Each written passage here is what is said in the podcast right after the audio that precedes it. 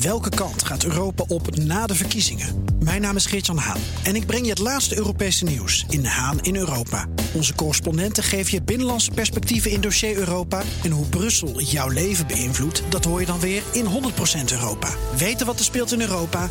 Luister naar de programma's van BNR. De wereld. De Oekraïense president Volodymyr Zelensky heeft de Tweede Kamer toegesproken. Шановні міністри закордонних minister van Nederlandse. We gaan erover praten met eh, Bart Groothuis, Europarlementariër voor de VVD. Welkom. En natuurlijk met Geert-Jan Haan, eh, onze eigen eh, Oekraïne-deskundige en Europa-verslaggever. Ehm, die, die is dag en nacht hier hè, in deze studio, kan ik wel zeggen. Heb je mijn slaapzak al gevonden? Ja, ja, ja, ja in je veldbed heb ik gezien. Ehm, ik, ik begin even met jou, Geert-Jan. Wat viel jou op aan de vorm van de speech? Ja, als ik het vergelijk met uh, toespraken in andere landen... en ik heb net nog die van België gezien... dan vond ik hem een beetje saai. En in België hebben ze net nog met een violist en een cellist het Oekraïense volkslied gespeeld. En je zag in andere landen fantastisch camerawerk. In Denemarken had ik echt het idee dat ik naar Borgen zat te kijken. Die politieke serie waar deel 4 nu binnenkort van, uh, van zichtbaar is ook. En dat vond ik wel jammer, omdat er dus zoveel belangstelling is. Uh, ook van mensen die dat toch op hun werkdag aan het kijken zijn, aan het volgen zijn. En dan zou je toch wensen dat er een cameraman is die even, of een regisseur die even zegt. Nu even Mark Rutte in beeld, want hij heeft het twee keer over zijn vriend Mark. Ja. Dan wil je die even zien. Je wil een reactie zien als Zelensky aan hem om meer wapens vraagt. Dus om het allemaal wat spannender te maken, om politiek ook dichter bij de mensen te brengen, vind ik dat wel een gemiste kans. Maar daar kan. Zelensky niks aan doen natuurlijk. Dat is waar. En wij zijn radiomensen, dus... Eh, hadden we het kunnen vertellen? We hadden het kunnen vertellen. Nou, dat heb je ook gedaan vanmorgen trouwens, toen wij samen in de uitzending zaten.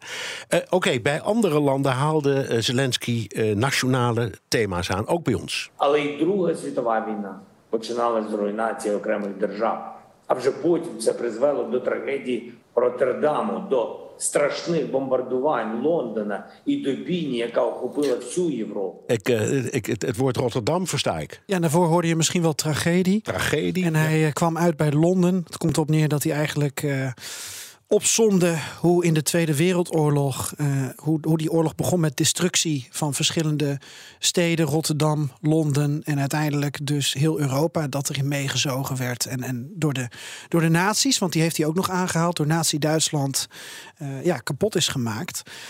En hij heeft uh, meer thema's benoemd. Hè? Ja, zoals? Um, nou, we hebben het uh, gehad over Den Briel. Dat heeft hij niet genoemd. Maar ik denk dat hij heel veel Nederlanders er even aan herinnerd heeft. Dat het morgen 450 jaar geleden is. Dat door een foutje eigenlijk uh, de geuzen Den Briel hebben ingenomen. Want ja, ze hadden gehoord dat daar toch geen Spanjaard te bekennen was.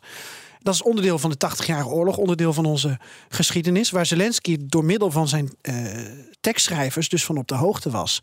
1 april, uh, hoe ging dat ook weer? Op 1 april verloor ja, Alfa ja, zijn ja, bril. Ja, Bart Groothuis zit te popelen om in te vragen. Hij heeft hele goede tekstschrijvers, goede diplomaten. Maar ik denk dat hij beter 1581 had kunnen nemen. Plakkaat van verlatingen. Dat was denk ik treffender geweest. Maar dit was een interessante vondst. Ik vond het wel heel treffend. Morgen 1 april, die, uh, die 450ste verjaardag. Ja, nou ja, je kunt zeggen het was inderdaad wel het begin van de vrijheid van Nederland. En het was voor hem denk ik belangrijk om dit aan te halen, omdat hij het over het verdrijven van de tirannie heeft. Nou, denk ook aan couplet uh, 6 van het Wilhelmus. Ja. Maar tirannie, dat gebruikt hij veel in, in zijn strijd tegen de Russen. Dat hoorde je eerder in toespraken, volgens mij van de Noren gisteren. En ik hoorde het vanmiddag ook weer bij de Belgen. Tirannie, dat is hoe hij uh, de Russische agressor eigenlijk uh, omschrijft met, met wat ze doen. Ja, en, en voor elk land heeft hij zijn eigen wens kun je ja. zeggen. Hè? Dus uh, loop ze eens even langs. Want jij hebt ze, nou, ik heeft geloof ik inmiddels een, een stuk of 15 gehouden. Maar je hebt er een heleboel teruggeluisterd. Ja, wil je eerst weten wat hij van Nederland wil? Of, uh... ja, nou, het, het, het, laatste nieuws is België. Hè? Want dat ja. weet nog niemand. Dat is net gebeurd. Jij hebt zitten luisteren. Dus ik zou zeggen, begin daar. Nou, uh, premier De Croo kreeg de ruimte, uh, in tegenstelling tot uh, Rutte in het Nederlandse parlement, om Zelensky toe te spreken. En uh, de Croo zei, uh, u heeft zojuist gevraagd om meer wapens. Nou, ik heb nieuws voor u. We hebben ze besteld en ze komen uw kant op. Ja. Dat, ja. dat, dat was geen woorden, maar daden. Ook Diana Matroos vind je in de BNR-app. Ja, inderdaad. Je kunt live naar mij luisteren tijdens de Big Five.